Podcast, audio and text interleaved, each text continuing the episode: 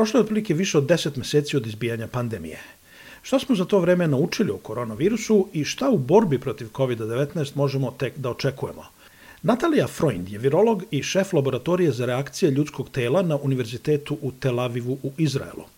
Ona i njen tim objavili su ovih dana rad u kojem iznose veoma zanimljive zaključke o reakciji ljudskog organizma na infekciju koronavirusom.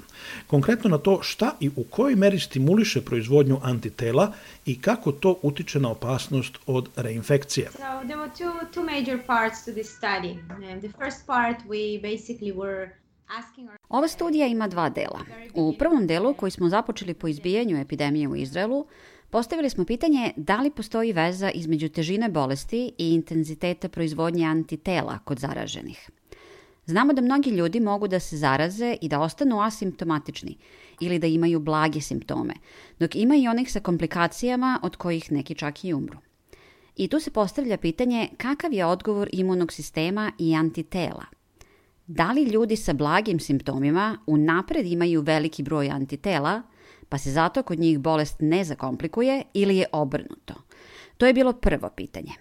Drugo je bilo da vidimo da li možemo detaljnije da okarakterišemo reakciju antitela na bolest i da eventualno izolujemo antitela koja neutralizuju bolest, da bismo iz toga naučili kako se telo bori protiv koronavirusa i eventualno vidimo da li se na osnovu toga može napraviti terapija. Natalija Freund dalje kaže da su ona i kolege u prvom trenutku bili zatečeni onim što su otkrili. Uh, so we found out to our, I must say, surprise at the beginning that people who had mild disease or asymptomatic donors Um, they... Na naše iznenađenje, otkrili smo da ljudi koji imaju blage simptome ili ih uopšte nemaju, nisu imali ni antitela na koronavirus. Njihova reakcija je bila veoma slaba u smislu neutralizacije virusa. Na prvi pogled to jeste nelogično, ali ako malo bolje razmislimo, vidimo da zapravo ima logike. Kada virus napravi ozbiljnu štetu u telu, što se dešava kod teže obolelih ljudi, on istovremeno izaziva i veliku reakciju imunog sistema. Imunni sistem reaguje na infekciju, a ne obrnuto. Znači, tamo gde ima puno virusa, organizam proizvodi puno antitela. Zato kod pacijenata koji su imali teško oboljenje, koji su završili u bolnici ili čak na respiratoru, a koji su sada dobro i nemaju više virus u sebi, oni sada imaju puno antitela, što je posledica intenziteta infekcije. Sa druge strane, oni koji nisu imali simptome ili su imali samo blage, kod njih intenzitet infekcije nije bio toliki da izazove značajniju imunu reakciju – To nas dovodi do onog problema ponovne infekcije, gde vidimo da postoji mogućnost da se oni koji su imali blage simptome lakše ponovo zaraze. Profesorka Freund naglašava da je ovo istraživanje rađeno na uzorcima krvi, uzetim samo šest meseci nakon zaraze i da se dugoročne posledice infekcije po imuni sistem još ne znaju. U kraćem roku zaključak njenog tima je da oni sa blažom, kako se to kaže slikom, imaju veći rizik od ponovne infekcije. So people who had a severe disease, they have enough antibodies, and their antibodies are are uh, in a very good quality. They can neutralize the virus. They can prevent the virus. Ljudi koji su imali teži oblik bolesti imaju odlična antitela koja mogu da neutralizuju virus i spreče ga da ponovo napadne ćelije. To znači da su oni bezbedniji. E sad, iz ranijih istraživanja znamo da antitela koja se bore protiv koronavirusa ne ostaju dugo u organizmu. Zbog toga ne verujemo u imunitet krda i ne znamo u kojoj meri ćemo svi zaista postati imuni na virus. To nikako nije dobra vest, ali to je ono što vidimo. Sa druge strane, ako dobijemo dobru vakcinu ili tretman, onda bi nam ovo saznanje zapravo pomoglo. Znači, visoka koncentracija virusa u telu stimuliše reakciju imunog sistema. Ako je zaražena osoba zdrava i nije u nekoj rizičnoj grupi, onda je imunni sistem uspeo da zaustavi virus, pa ta osoba nije razvila ozbiljnije simptome. Negativna posledica ovoga je da u telu nije bilo dovoljno čestica virusa koje će stimulisati takvu reakciju koja stvara imunološku memoriju, neophodno da spreči eventualnu ponovnu zarazu. Kod starijih ljudi koji imaju druge hronične bolesti kao diabetes, rak ili samo visok krvni pritisak, Sve te bolesti sprečavaju jaku reakciju imunog sistema. Zato su takvi pacijenti podložni komplikacijama od covid -a.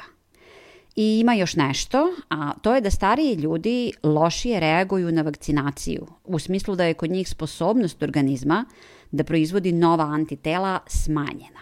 Epidemiolozi u Srbiji često kažu da je virus ojačao ili nešto ređe oslabio. Pitao sam Nataliju Freund da mi pojasni šta to znači, kako jedan virus jača ili slabi. Right, so, so there is a, um, there, there are evidence from viruses changing um, through time by point mutations. Dokazano je da virusi mutiraju tokom vremena. To se, na primjer, desilo sa virusom HIV koji izaziva SIDU. On je tokom 30 godina epidemije ojačao i postao opasniji. Međutim, SARS koronavirus 2 je drugačiji od HIV-a ili od virusa gripa, koji takođe napada disajne puteve i pluća, ali je podložniji mutacijama. SARS-CoV-2 je genetski stabilan RNK virus i dosta je veliki, što znači da prilikom umnožavanja u ćelijama ne menja svoj genetski sastav i sam može da ispravlja greške, za razliku od HIV-a. Postoje ipak greške, postoje mutacije koje dovode do toga da virus bude jači ili slabiji, ali nema dokaza da je prošao kroz značajnije promene za ovih 10 meseci. Pitao sam takođe Nataliju Freund šta smo i koliko za ovih 10 meseci naučili o koronavirusu. Yeah, we, we learned plenty, I think. Um, we learned about the virus, the fact that it probably came from, uh, from bats. Naučili smo mnogo. Naučili smo da je najverovatnije došao od slepih miševa i da ovakav tip virusa može da pređe sa životinja na ljude i da će se to dešavati i u buduće.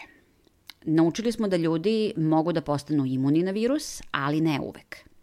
Kompletan naučni svet se okrenuo ka ovom virusu jer za poslednjih 100 godina nismo imali ovakav problem.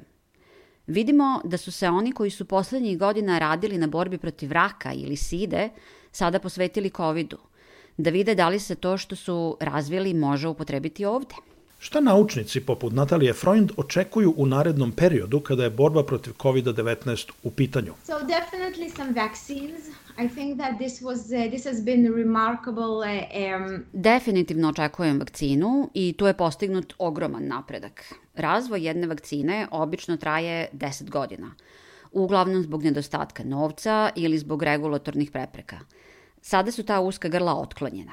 Sada postoji spremnost da se uloži koliko god novca treba, kao i da se ublaže procedure, što naravno može da bude i loše. Trenutno je šest vakcina u završnom delu treće faze i neka od njih bi mogla biti odobrena u narednih nekoliko nedelja. Uh, tu bih bila oprezna jer mi, mi još ne znamo koliko će ta vakcina biti efikasna.